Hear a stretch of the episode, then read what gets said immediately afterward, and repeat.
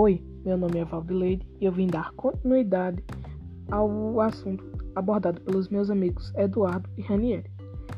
Nesta parte do capítulo, o autor Fábio Pestana fez uma separação geográfica de Portugal em relação alimentícia.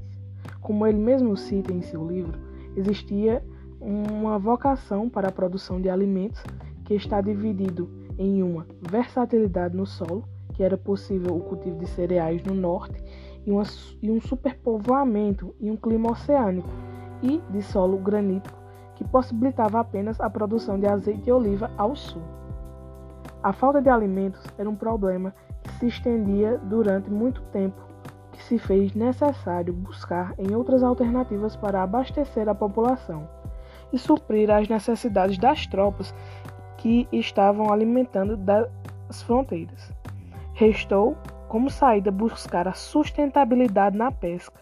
Foi o que fez a tornar essa prática a principal fonte de alimentos do Sul. Esse ato pela busca de alimentos abriu cada vez mais, como o autor fala, uma indústria náutica, pois, para, uma melhor, para um melhor resultado das pescas, fez acarretar um aumento no perímetro que era realizado, ou seja, eles adentravam mais em alto mar, o que ajudava na caça da baleia. Com o passar do tempo, também ocorreu um aperfeiçoamento das práticas marítimas, uma melhoria nos barcos, o que com o tempo colocou Portugal no mapa marítimo.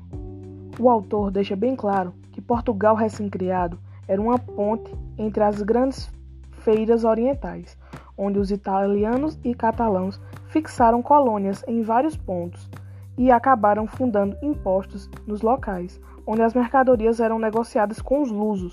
O autor também aborda os investimentos feitos para o, para o, pelo atual gestor de português que levou Portugal à oportunidade de aperfeiçoar o seu poder marítimo, ajudando na sua, nas suas práticas de pesca.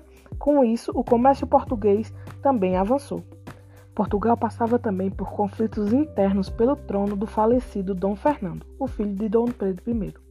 Após a Revolução de Aves, que ficou, como o autor fala, um levante político, o que trouxe uma abertura e um afastamento de resquícios medievais, que eram meio que um empecilho para, para a melhoria do comércio e de uma expansão ultramarina. Essas mudanças acarretaram para Portugal uma forma de serem os primeiros a terem uma mais avançada exploração marítima.